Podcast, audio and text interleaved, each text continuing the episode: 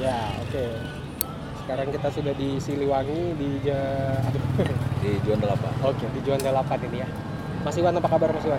Alhamdulillah bang baik mas, baik. Lagi sibuk apa Mas? Ya, Lagi sibuk apa? ya kalau untuk kesibukan sekarang ya kayak biasanya sore di kedai, Hah? mungkin ya ada sih kerjaan sedikit-sedikit kayak ngetraining gitu nah. Oke, nge-training nge-training Iya. orang, Orang, ya. yang baru mau buka warung. Ya, yang mau buka kedai. Ini ngomong-ngomong untuk teman-teman yang dengerin eh, sorry kalau agak berisik ya, ya karena kita nih bener-bener di pinggir jalan. Iya. Bentar ya. Mas mau tanya Mas. Siliwangi dari kapan Mas? Bukan. Kalau untuk Siliwangi sendiri itu berdiri tanggal 3 Juli sih, 3 Juli 2019. 2019 3 Juli. Iya, 2 tahun. ya lah. pertengahan bulan 2019 ya. Iya, Oh, ini Kalau udah ininya, 2 tahun dong. ya? 2 tahun ya, 2 tahun sudah 2 tahun alhamdulillah. Pertama kali di Juanda 8 sini. Pertama kali di Juanda 7 di klinik itu 2016. Oh, Juanda 7. Ya yang kombi. Ah. Kalau untuk kenal di kopi-kopi tarik ini malah 2013 sih sudah mulai cuma kan waktu itu belum tertarik kan Aha. kayak kopi itu karena dulu waktu 2013 itu klinik itu kalau nggak salah masih menjual kopi itu satu gelas 5000 jadi ah Hmm. nggak kayak kita ngelihatnya tuh Udah nggak- biasa aja. nah, bi- nggak nggak nggak progres gitu nah Sorry, Kalau bentar tidak, nih. Itu klinik. klinik kopi Berarti Siliwanginya sendiri belum. belum jauh mas Oh, belum. Berarti dulu Mas Iwan di klinik. ya 2013 cuma kan kayak gitu keluar masuk aja Oh. keluar masuk keluar masuk nah kalau untuk betul-betul menekuni di kopinya sendiri ya 2016 Itu di klinik, juga. Ah. di klinik dua, awal awal 2016 Itu mengenekuninya gimana? Belajar sama teman-teman yang udah lebih dulu. nah kalau di klinik itu saya baru tahu dasar Hmm, dasar. bahwa menyeduh kopi tarik itu seperti ini Oh iya. belum Ini belum tahu Ah. bagaimana kopi atau gimana gitu kan soalnya kan kita tahunya kopi itu sudah digiling ya sudah. kalau di klinik itu Ah. nah malah kalau untuk di tahun yang sama di 2016 tapi di akhir saya di Bulungan Oh jadi sempat kebulungan. sempat di Kaltara di Bulungan depannya pasar Tanjung Selor ada namanya kedai kopi Labolong Oh di situ apa jadi kerja gitu? iya kerja sama kopi tarik cuma di situ apa ya ya lebih untuk lebih memperdalam gitu nah di situ betul-betul saya belajar Eh, aku mau tanya nih, aku kan juga yang nggak ngerti-ngerti banget lah kopi tarik. Gitu. iya Kopi tarik itu sebenarnya apa sih? Mas? Maksudnya apa bedanya sama kopi-kopi yang lain? Gitu? dari prosesnya aja sih kalau kopi tarik itu kan lebih kita ke perendaman direbus kopi itu Oh kopinya direbus, kopinya direbus disaring. ya disaring Oh, kalau untuk perbedaannya kita dari metode aja gitu nah Oh, artinya ini, Ya, ada perendaman yang berjam-jam. oh berarti ekstraksinya lama nih Iya, kopinya. makanya kan bodinya kan lebih Oh, tebal kalau makanya kopi kopinya tarik itu. kencang. lebih kencang. Nah kalau dinamakan kopi tarik, cuman karena dia kayak dibikin kayak teh iya, tarik. tarik, aja kopi Oh, tarik iya. gitu. Makanya aku juga mau bingung ini namanya kopi saring, tapi kalau kopi saring ya semuanya disaring Iya. kan ya. Iya. Oh, Kopi tarik gitu. Ini ada hubungannya sama budaya-budaya kayak kopi tiam kopi tiam gitu kan? Kalau yang setahu saya yang pernah saya pelajari di sejarah masuknya kopi tarik ke Indonesia itu kit- dia masuk dada di dua jalur, Mas. Dua jalur. Jadi satu jalur lewat Sumatera Mhm. yaitu dibawa sama oleh pedagang-pedagang Gujarat pedagang-pedagang Gujarat ini lewat Aceh Aceh enggak? Mereka ini dari bangsa mana? yang ini dari Arab Oh Arab. dia bangsa kalau bang yang masuk ke Aceh ini dia bangsa Arab Hmm. cuma waktu dia masuk Aceh bukan yang diinikannya tuh bukan kopinya tapi teh Teh. Makanya Aceh itu lebih terkenal dengan teh tariknya, Oke. dengan teh teh tariknya. Nah kalau yang masuk ke Indonesia kopi tarik itu lewat Sulawesi, Oh berarti eh, masuk dari Sumatera tapi kebanyakan teh. teh Nah yang, yang masuk ke Sulawesi. Sulawesi ke yang masuk ke Sulawesi ini setahu saya baca di sejarah itu dibawa sama orang-orang Mongol dan Cina. Oh. Nah, dia ini yang jadi apa? Kita tahu namanya kopi tiam itu ya. Ya, kalau yang masuk ke Indonesia itu ya leluhur-leluhur kopi kopi tarik itu ya orang-orang Cina. Nah sebetulnya kan kalau tiam itu kan bukan jenis kopi, tapi tiam itu kan artinya warung gitu nah. Oh. Tapi bahasa Cina. Jadi bergeser maknanya. ya? Betul. Jadi kopi tiam kalau di Cina itu Iya, benar. kalau di Cina itu dia warung kopi, Terima kasih. Warung kopi, kedai kopi lah. Eh, oh kedai berarti kopi. kopi. tiam itu artinya warkop. warung, warung kopi. Tapi kan kopi lain bahasa Cina mas. Itu maksudnya Cina yang masuk Indonesia gitu. Heeh. Jadi tiam itu kalau dalam bahasa Cina itu warung, Oh, warung atau kedai. kedai kopi lah ya berarti Ya. kopi diam lah ya cuman mungkin ciri khasnya kopinya kopi tarik makanya Ya, kita kopi kenalnya kopi tarik. diam Nah, kalau membedakan antara yang masuk lewat Sumatera dengan lewat Sulawesi itu dari bentuk teko dan bahan. oh dari bentuk tekonya beda Nah, beda. Nah, kalau yang masuknya lewat Sumatera lewat Aceh dia pegangan sama corongnya tuh satu satu jalur lurus lurus antara si leher Oh. lehernya dengan pegangan itu Ya. Ar- artinya ini ya maksudnya itu kalau kita bilang tuh yang corong dia untuk Ya, corong luangnya itu corong sama pegangannya Jadi itu kan dia ya- lurus ada tiga nih yang Heeh. corong habis itu penampungnya ya sama pegangannya itu itu, lurus lurus kalau Nah. yang dari mana nih dari Aceh dari Aceh ya Nah, bahan yang dipakai itu stand apa? stainless sama aluminium. stainless sama aluminium Tekonya itu. Nah. Nah, kalau yang masuk lewat Sulawesi dia letter L. Corong sama pegangannya itu. Jadi nyamping dia. gini ya Ya jadi begini. nggak kelihatan nih kalau Nah, nggak di video Jadi apa ya? kayak gayung bukan silet Kayak gayung. Nah. Tapi corongnya dia di samping. Jadi letter L. oh gitu Nah, Itu. Sama yang membedakannya juga bar.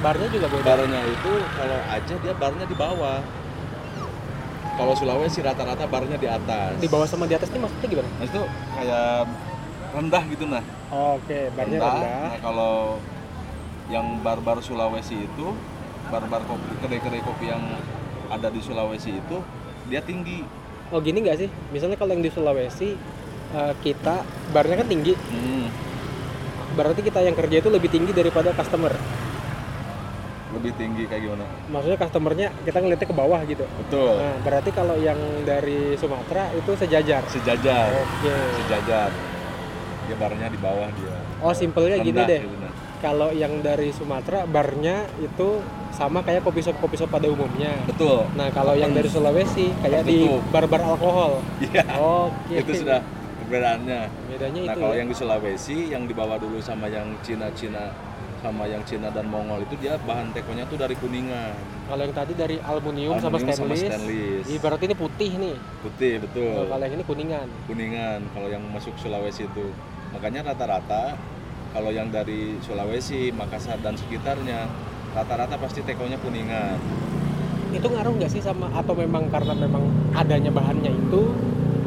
Kalau pengalaman saya apa ya pengalaman saya selama nyentuh di kopi tarik kalau untuk dirasa kopi sih enggak sama aja. sama Yang penting kan bersih kan. Ya, kalau untuk rasa kopi itu kan Nah, kayak dibalikin lagi ke si SDM-nya.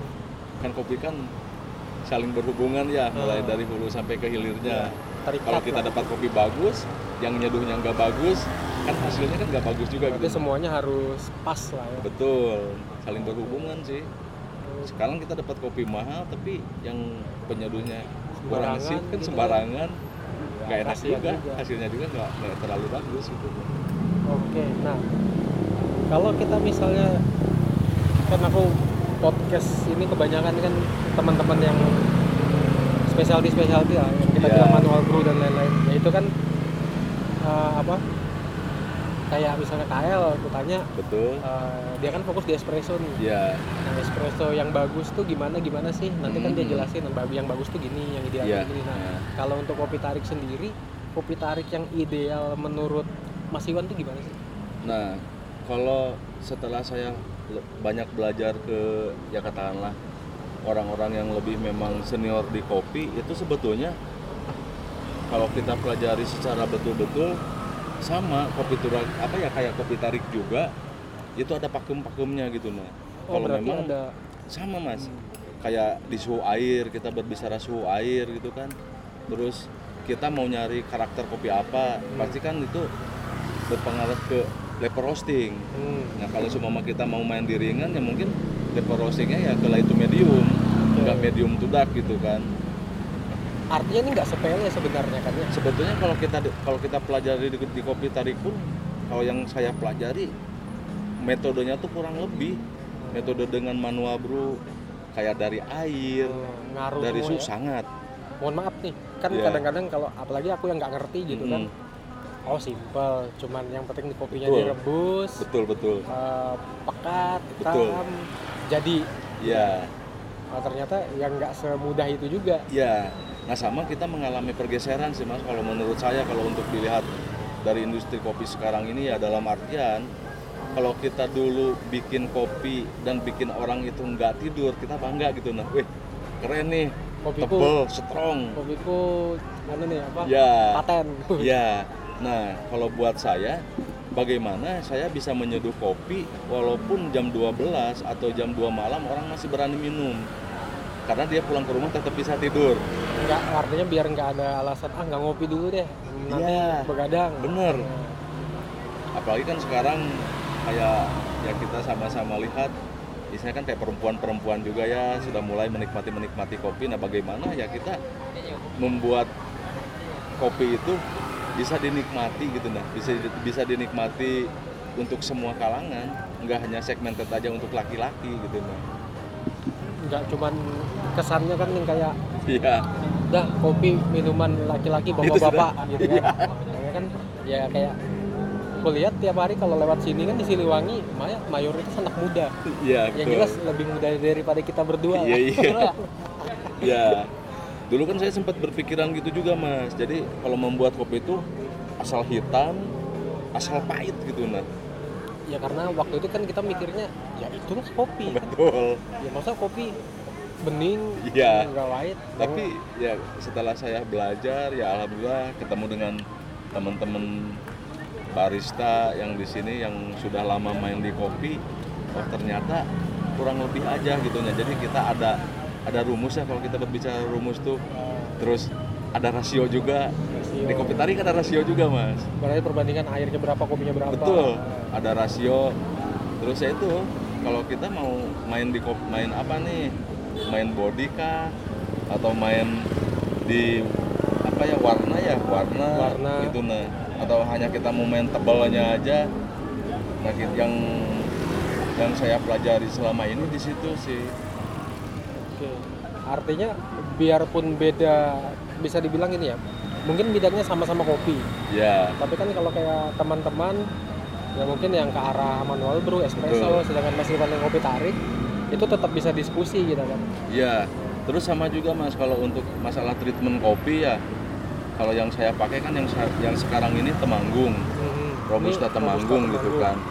Nah memang kalau untuk di kopi tarik semua robusta bisa diseduh. Mhm. Maksudnya kopi tarik sudah pasti robusta kan. Ya. Nah cuma ketika kita kayak dapat robusta dampit, robusta Bali Hmm. ataupun robusta dari Sumatera itu sama kurang lebih dengan arabica itu ada treatmentnya yang berbeda. Hmm. Oh kalau temanggung metode nyeduhnya kita seperti ini Mhm. gramasi kopinya sekian. Nah kalau kita dapat katakanlah kopi dampit, kita ngulik lagi gitu nah. Oh, berarti biarpun sa- spesiesnya sama-sama robusta, Iya, tapi biar beda daerah itu karakternya bisa beda jauh gitu. beda beda sama. nanti berarti yang teman-teman di sini yang menyesuaikan gitu ya Betul. Bisa kita, kita- ya, belajar kita lagi. bilang itu bahasanya ini ya kalau di kopi shop itu kalibrasi Iya kalibrasi Ah, lagi. gitu. Dengan banyak kan robusta robusta juga. Mm-mm. nggak nggak apa ya nggak satu macam gitu nah Nah, kalau tadi klin- eh, klinik dari 2013 ya Mas? hmm. Itu kan mainannya kopi tarik. Sedangkan Oh, klinik sendiri 2010 sih nah berdirinya. itu 10 2010 itu kan dari ini kalau kita bandingkan sama yang eh, arabica sekarang ya, Iya. manual brew. Kalau espresso ya mungkin dari 2009 2010 juga ada ya kan. Heeh. Cuma kalau kita ngomong yang manual brew itu kan kalau nggak salah 2000 yang aku tahu ya Iya. 2014 apa 2015 gitu. Tapi sekarang yang trennya yang rame itu kan Arabica Arabikaan nih. Iya. Nah, sedangkan Mas Iwan sendiri kenapa nggak ter- eh, ke arah situ? Kenapa masih Di tetap kopi tarik. eh, di kopi tarik? Karena kalau kalau untuk saya sendiri ya pertama jarang kan ibaratnya kalau untuk kayak yang main di manual brew ini banyak gitu nah yang ngambil-ngambil Oke, oke. pasar pasar pasar single origin itu kan kayak arabica nah saya ini kenapa saya tetap eksistensi di kopi tarik ya biar tetap ada gitu nah Mm-mm. jadi jangan sampai katakanlah nanti klinik udah kalau sudah mungkin apa ya, generasinya nanti putus di klinik atau Hmm. jadi jangan apa ya tetap dilestarikan gitu sih Berarti- mungkin lebih ke, lebih ke melestarikan sih saya Ba- bagian dari eh, melestarikan budaya kopi tarik ini ya kan? ya budaya kopi tarik terus kalau saya sih lebih menangkap ke market Mhm. Nah, kalau kemarin itu gimana? pasar pasar Maksudnya? kopi tarik Nah, nah sedangkan kan katakanlah kayak antara arabica dengan robusta di kedai kan yang pasti yang dari harga kan mhm. harga sebuah minumannya Ya. Nah, kalau kalau di Arabica sendiri kan kalau untuk katakanlah satu gelasnya satu gelas atau satu cup itu pasti kan di 15.000 ke atas, Ya. 15, 17, 20 gitu kan. Nah, kalau saya ini Ada sih mas yang sepuluh ribu, oh, ada kan? tapi pagi. Iya. iya. Nah, kalau kalau saya jadi ngambil market yang menengah ke bawah. Oh gitu. Tuh. Yang katakanlah orang punya duit 10.000 bisa ngopi gitu Ah. nah. tapi pada kenyataannya nggak menengah ke bawah juga sih. Ya maksudnya bayarnya tetap harga segitu. Tapi Iya. kan orang-orang Oh ini iya, ya kan padahal konsumennya. ya Ah. mereka ya, bukan orang menengah ke bawah juga sih Betul. yang nongkrong di sini kalau kulihat kan ya. tapi ya ya itu juga kayak dari saya sendiri kalau dulu kan hanya sebatas oh tahu hanya sebatas oh kopi ini begini nah j- jadi ya buat saya juga kalau untuk di kopi tarik sendiri bagaimana kita mengolah apa ya maksudnya tuh kita membuat membuat kopi tarik ini dengan tidak mengesampingkan kualitas kualitas kopi gitu nah Nah itu menarik. Artinya kan gini. Kadang-kadang kalau kita ngomongin specialty, ya ya kita berusaha ini sebagus mungkin. betul betul ketika sudah terlalu menggandrungi itu waktu dibikin kopi yang lain kayaknya sih teman-teman sih enggak itu lebih ke pengalamanku sendiri ya kadang-kadang Iya. ya aku sih ngeremehin gitu udahlah Oh. itu orang kopi gitu doang Oh, iya, yang iya. penting ininya bagus Nah, padahal kan ya mau kopi apa aja ya harus bener-bener serius bikin ya Iya. termasuk di kopi tarik ini Ya, soalnya yang yang saya rasakan kayak sekarang ini ya, ya mungkin salah satunya yang saya masih bertahan gitu nah sampai sekarang karena waktu saya di halte ya waktu saya kan di- 2017 saya di halte Mhm. 2017 saya di halte nah mulai 2018 tuh saya melihat peluang waktu di halte tuh saya ba- sudah sudah bi- sudah bisa memprediksi suatu saat kopi tarik ini bakal jadi industri besar karena sudah mulai banyak orang yang nanya-nanya minta dibelajarin minta ini minta ini minta ini nah jadi pasar itu yang saya tangkap Oh, jadi Mas Iwan juga ini nge-training nge-training orang yang mau buka-buka kopi tarik gitu. ya salah satunya ngetraining orang yang mau buka kopi tarik sama saya juga menyediakan alat Oke, karena di Ya, berarti Samarinda nggak ada gitu kan nyuplai gitu ya ya tekonya saringannya biji kopinya biji kopinya ya semua pernak perniknya lah ya ya yang untuk apa ya yang katakanlah pernak-pernik untuk kopi kopi tarik gitu nah itu Terus? sih sudah ada berapa yang Mas Iwan tanganin kalau Yang udah un- buka lah ya. ya, untuk yang untuk buka yang pernah kita kerjasama ya maksud itu dulu awalnya awalnya di training sama saya itu kalau untuk di Samarinda sendiri kopi A kopi A yang diam-diamin Hmm. kopi A kopi papah muda Oh, bawa muda. kopi papah muda tungku Tunggu di tungku mana ya? project yang sekarang di Montana Oh, yang dulu kemarin di Citra Oh, dulu di Citra, sekarang Eh, pindah ke sekarang Montana. di Montana terus ah, siapa ya? mungkin salah satunya ngegas Kopi Gagas. ngegas pernah kita bikin project bareng sampai keliling rumah patah hati Patah hati. Banyak Patah juga ya. hatinya, patah hati aku sekali GM patah hati kalau untuk di Tenggarong Rogos di Jalan Kartini sama Kopi H Oh, di kopi Pasar khas. Seni ya Ada juga ya di Tenggarong. ada paling kalau yang di sininya Busam Busam area yang DM Yamin terus Tohaga Di Korpo. ya di Porpo sama ada di Sangatta satu Waduh. Banyak di juga Sangatta dong. Pos Cafe ya Banyak banget ya proyeknya Pos Cafe Siliwangi. Pos Cafe itu sih Gimana rasanya ini eh, berkecimpung di perkopian Samarinda yang mayoritas kebanyakan trennya itu manual brew tapi Mas Iwan tetap di kopi tarik. sangat menarik sih soalnya saya mengambil market ketika market itu tidak diambil orang Eh, nah kalaupun diambil orang, konsultasinya ke Mas- Mas Iwan dulu. mungkin kayak gitulah mungkin kayak gitu sih ini ya cukup menggiurkan menurut ini kalau yang pasti itu kalau untuk saya sendiri itu apa ya yang paling simpel tuh di biaya sih biaya Di- biaya gimana maksudnya ya kalau untuk kita m- mau membuat kopi shop kan tahu sendiri modalnya Oh, iya. kan iya apalagi kan sekarang Iya. alat-alat kopi harganya naik drastis nah kalau kopi tadi kan nggak sehoror Mm-mm. kopi shop gitu nah kalau kedai-kedai kopi begini tuh nah terus kalau saya sih kalau apa ya dulu tuh punya prinsip untuk membuat usaha tuh bagaimana kalau apa ya dalam artian tidak ketergantungan kayak ke suatu alat gitu nah Eh, artinya kalau kalau ti- tidak tidak ketergantungan terhadap sesuatu eh, Nah istilahnya kan kalau kayak untuk di kopi shop kopi shop ini mesin kan harus pakai listrik, iya juga sih baru tempatnya harus bagus lah. ya Nah katakanlah industrinya Kalau- Iya. gede lagi kalau kopi tarik ini kan fleksibel gitu nah. Eh, Kalau seumpama kita belum mampu untuk buka pakai tempat yang harus ada listriknya, kita buka siang aja, iya sih buka Modal siang gitu beli nah.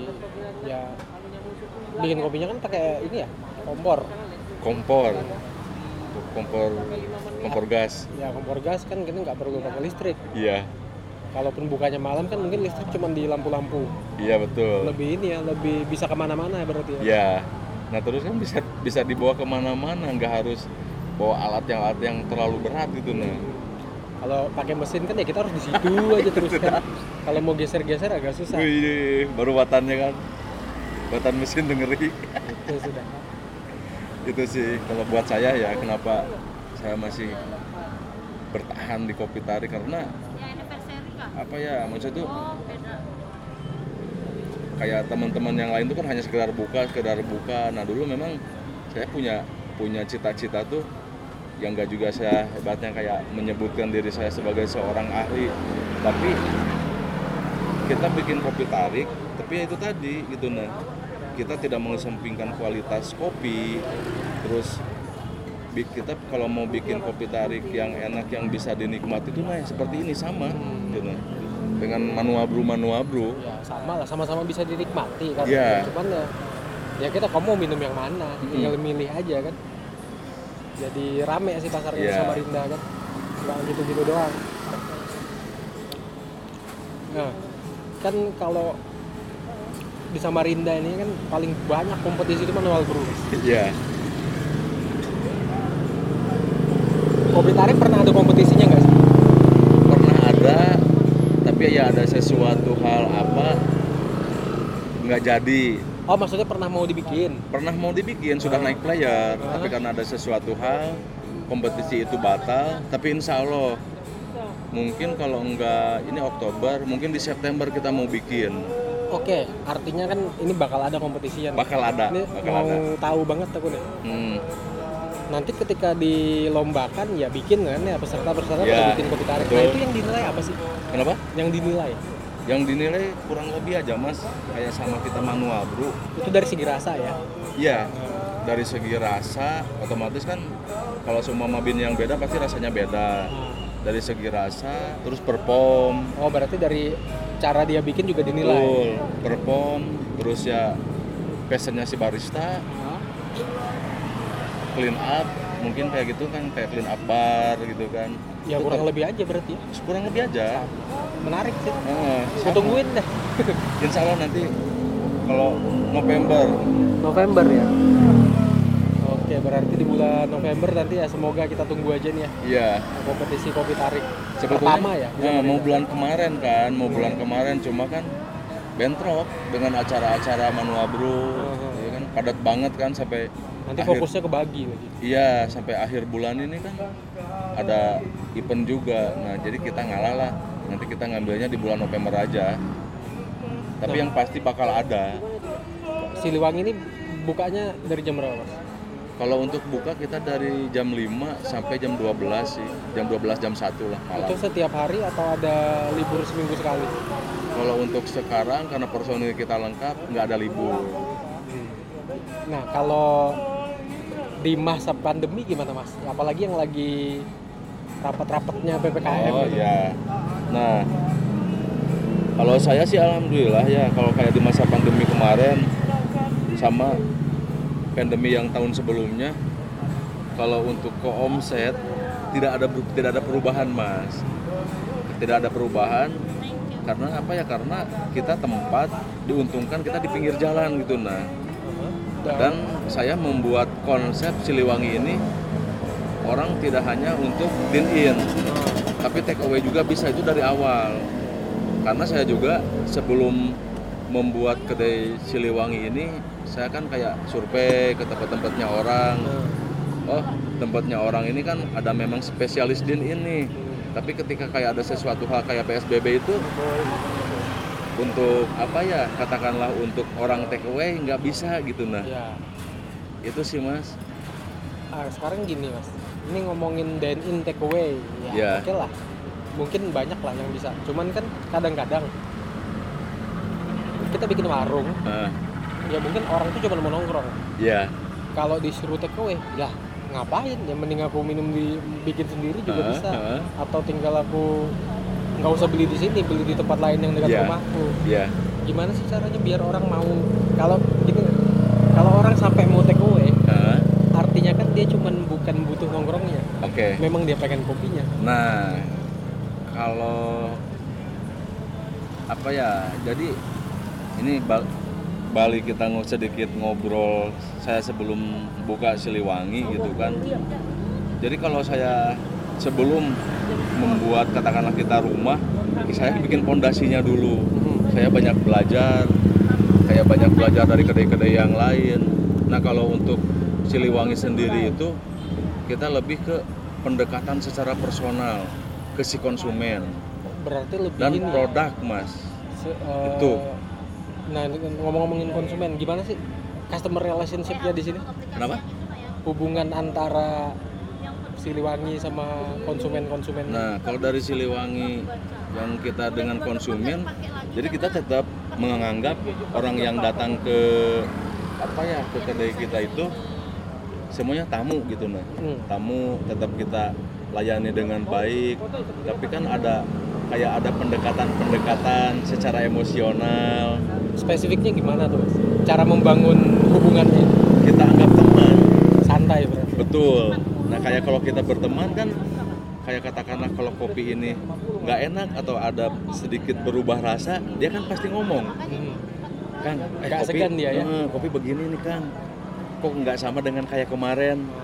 Nah kalau kayak kita dari, dari pengalaman saya bukan kita nggak ada jarak ya kita tetap ada jarak juga ada batasan-batasan gitu kan nah kalau kita terlalu membatasi diri membatasi juga dengan konsumen ketika ada rasa tidak enak dari konsumen terhadap Siliwangi dia nggak akan ngomong Mhm. ke kita tapi ngomongnya ke orang lain malah lebih parah itu sih Iya yang bahaya gitu Iya, nah kalau Artinya, yang masih biasa tinggal kalau dia ngomong ke orang sama lain- sweetbox itu jadi kayak tiga tuh. Oh. Kan kan satu kursi, kalau dia ngomong ke orang biasa. lain orang taunya nggak bagus Kayaknya nama-nama. kitanya nggak sadar kita nggak bisa perbaikin iya kalau saya itu saya jadikan teman Hmm, gitu artinya biar mereka lebih ini ya terbuka sama lebih kita aware gitu nah ke kita lebih pokoknya kalau ada kopinya nggak enak kah atau kayak gimana dia pasti ngomong gitu nah Halo?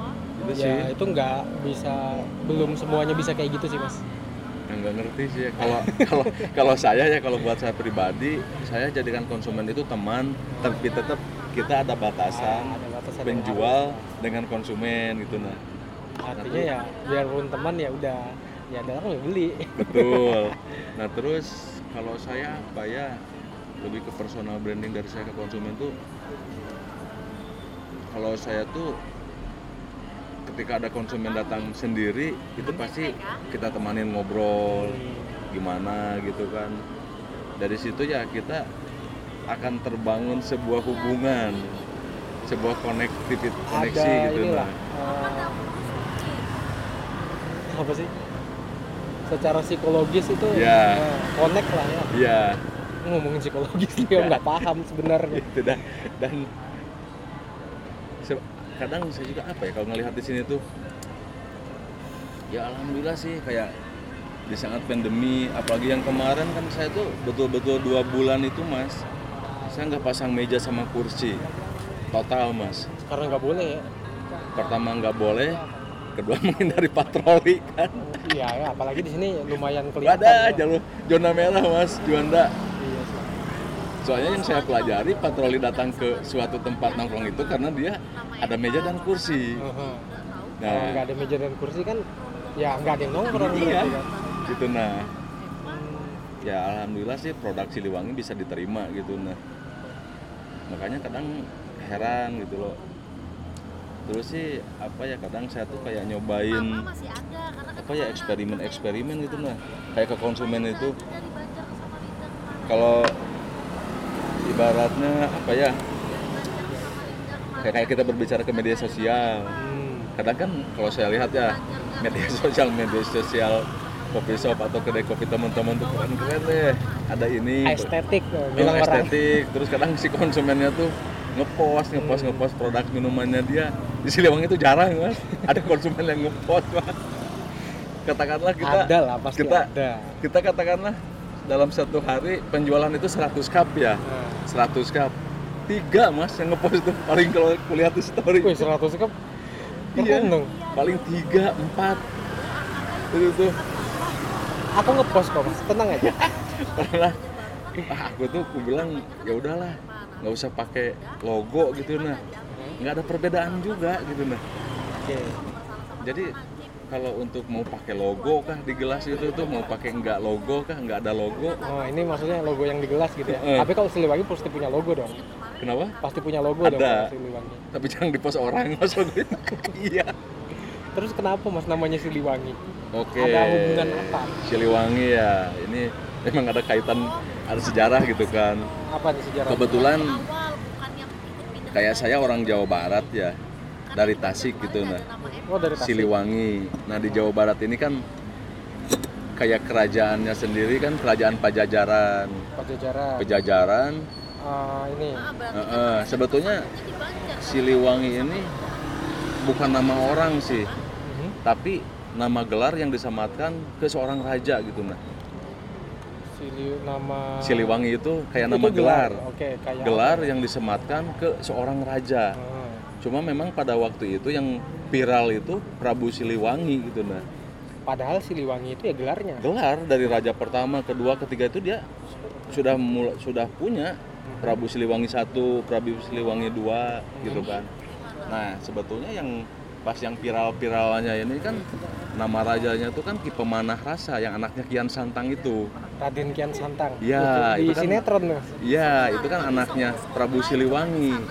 Sebetulnya Prabu Siliwang itu bukan nama orang, tapi dia itu gelar bangsawan. Hmm. Kalau nama aslinya Ki Pemanah Rasa. Oke. Nah, kalau dari Siliwangi itu sendiri itu kan ada dua suku kata nih, Sili dan Wangi. Oh, bukan disambung. Bukan. Jadi Siliwangi itu saling mengharumkan. karena kan kalau Saling mengharumkan. Hmm. Saling mengharumkan. Sili kan bukan saling, Wangi itu harum. Harum. Jadi kita saling mengharumkan dan saling membangun gitu nah. Hmm, Ayolah itu- saling membantu. Filosofi yang dipakai di kedai ini. Kedai ini baru kita kan Iya, kalau yang maksudnya di bawahnya itu kan kita menganut karena itu kan kayak sili asa sili asa sili asa itu itu Iya. prinsip hidup orang Jawa Barat gitu nah. kan? Oh, itu Biar ada kita nggak lupa diri gitu tiga itu kan. apa artinya? Kenapa? Tiga itu apa? Oh, kalau silih asah itu kita saling mengedukasi, kita saling mengingatkan ketika saudara atau teman kita salah, Oke. gitu kan.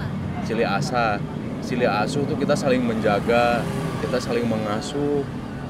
Kadang kan ya apa ya dari teman mungkin ada yang ini ya kita saling men- menjaganya. Kalau silih asihnya ya kita saling mengasihi, kita saling mencintai tanpa kita melihat latar belakang si manusia itu sih. Hmm, itu yang ya mungkin itu sudah tercapai di kedai ini mungkin tiga-tiganya. Ah, kan. Alhamdulillah ya. Iya sih, alhamdulillah lah gitu nah. Terus makanya- kalau logonya itu gambar apa? Macan, Mas. Nah, kenapa macan? Karena kan identik Prabu Siliwangi dengan macan. Oh, gitu. Dengan macan, terus cuma kan di logo itu saya bikin kepala macannya kan tidak sempurna gitu nah. Ada putus Oh, gitu. di kepala macannya itu. Apa maksudnya ini? Maksudnya itu ya tidak ada makhluk hidup yang sempurna. Oh. Karena kan kesempurnaan itu hanya milik Allah. Ah, Gitu sih. oke, itu ya.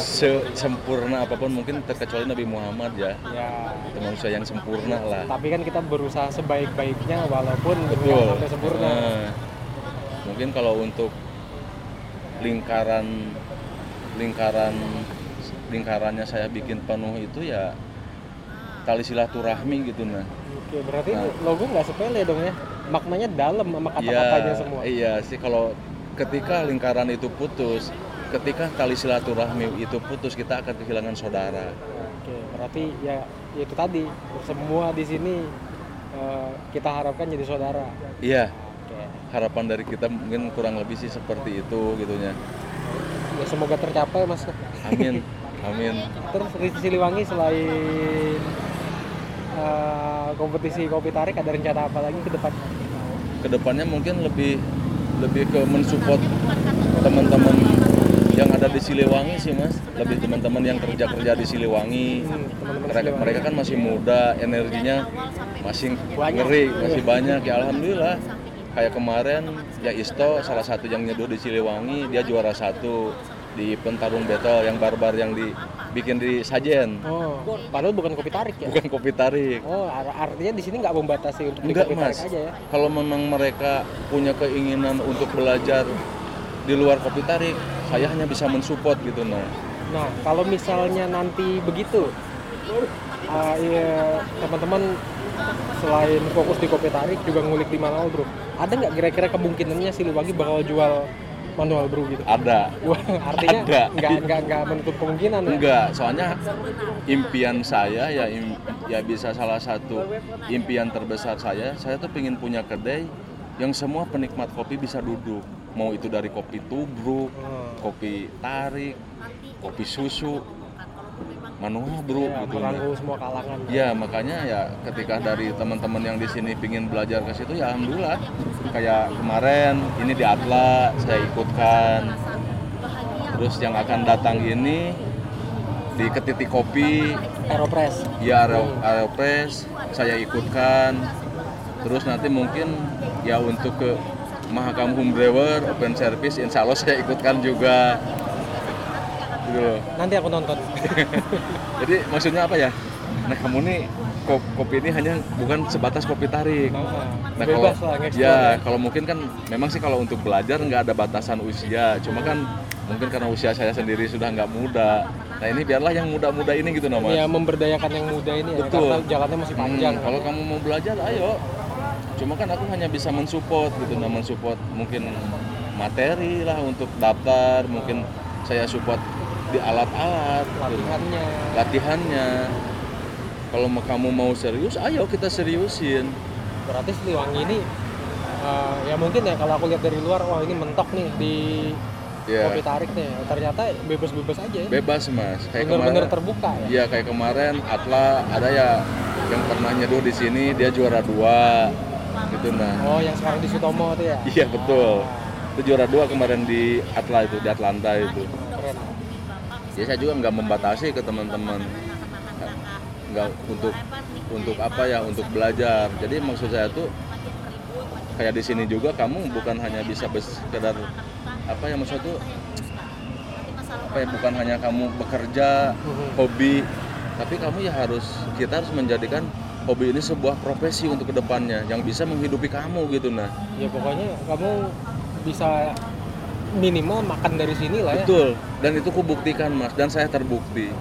berarti soalnya nggak dulu ngomong doang berarti betul kan? dulu waktu di 2016 itu kan saya besi, sebetulnya besi kuliner mas oh gitu nah ketika harus memilih antara kopi dan kuliner saya pilih kopi Ah, dan saya di situ Bismillah saya tekadkan dari kopi ini bisa menghidupi saya dan keluarga saya dan teman-teman saya alhamdulillah berhasil alhamdulillah saya bisa membantu gitu nah artinya kan ya mungkin kalau beberapa temen yang ah ini lain bidangku betul bidangku udah ini ya Ah, nggak mau coba-coba lah ya yang, yang penting terus kenapa mesti berani kenapa berani itu modalnya apa berani mengambil keputusan itu nah kenapa berani saya ngema- berani ngambil keputusan seperti itu saya belajar apa ya belajar dari orang-orang sukses ketika dia mendalami satu bidang dan bidang itu betul-betul dia tekuni dan itu jadi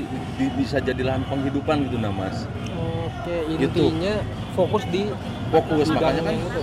jadi waktu saya begu- waktu saya memutuskan ya udahlah Bismillah aku mau mau di kopi tarik ya, ya ya saya belajar mulai dari teko mulai dari apa mulai dari kopinya saya pelajari betul-betul gitu nah berarti nggak nggak ini ya nggak asal jadi gitu kan ya. betul berarti harus serius betul ini ngomong-ngomong kelihatan yang zumba di sebelah Iya, hiburan mas. Ya gini ya, kita dapat hiburan gratis sebelah nih. kanan kendaraan sebelah kiri Iya, orang zumba Jadi Ya sudah, inilah Siliwangi. rame sih jadi kayak. ini biar Udah. jam 12 kayak baru jam 8 Itu dah. oke Mas Iwan ini sebenarnya aku Siap. masih pengen banyak ngobrol sih Iya iya. cuman ini baterai udah mau habis Mungkin kita kita ngobrol lagi di lain kesempatan. iya nanti. tamal ditunggulah ini eh, apa proyek-proyek dari Siliwangi berikutnya Mas Siap siap saya siap. doain sukses Mas ya. Amin. Sukses buat semuanya juga. Iya. terima kasih Mas Iwan selamat malam Sama-sama. Siap.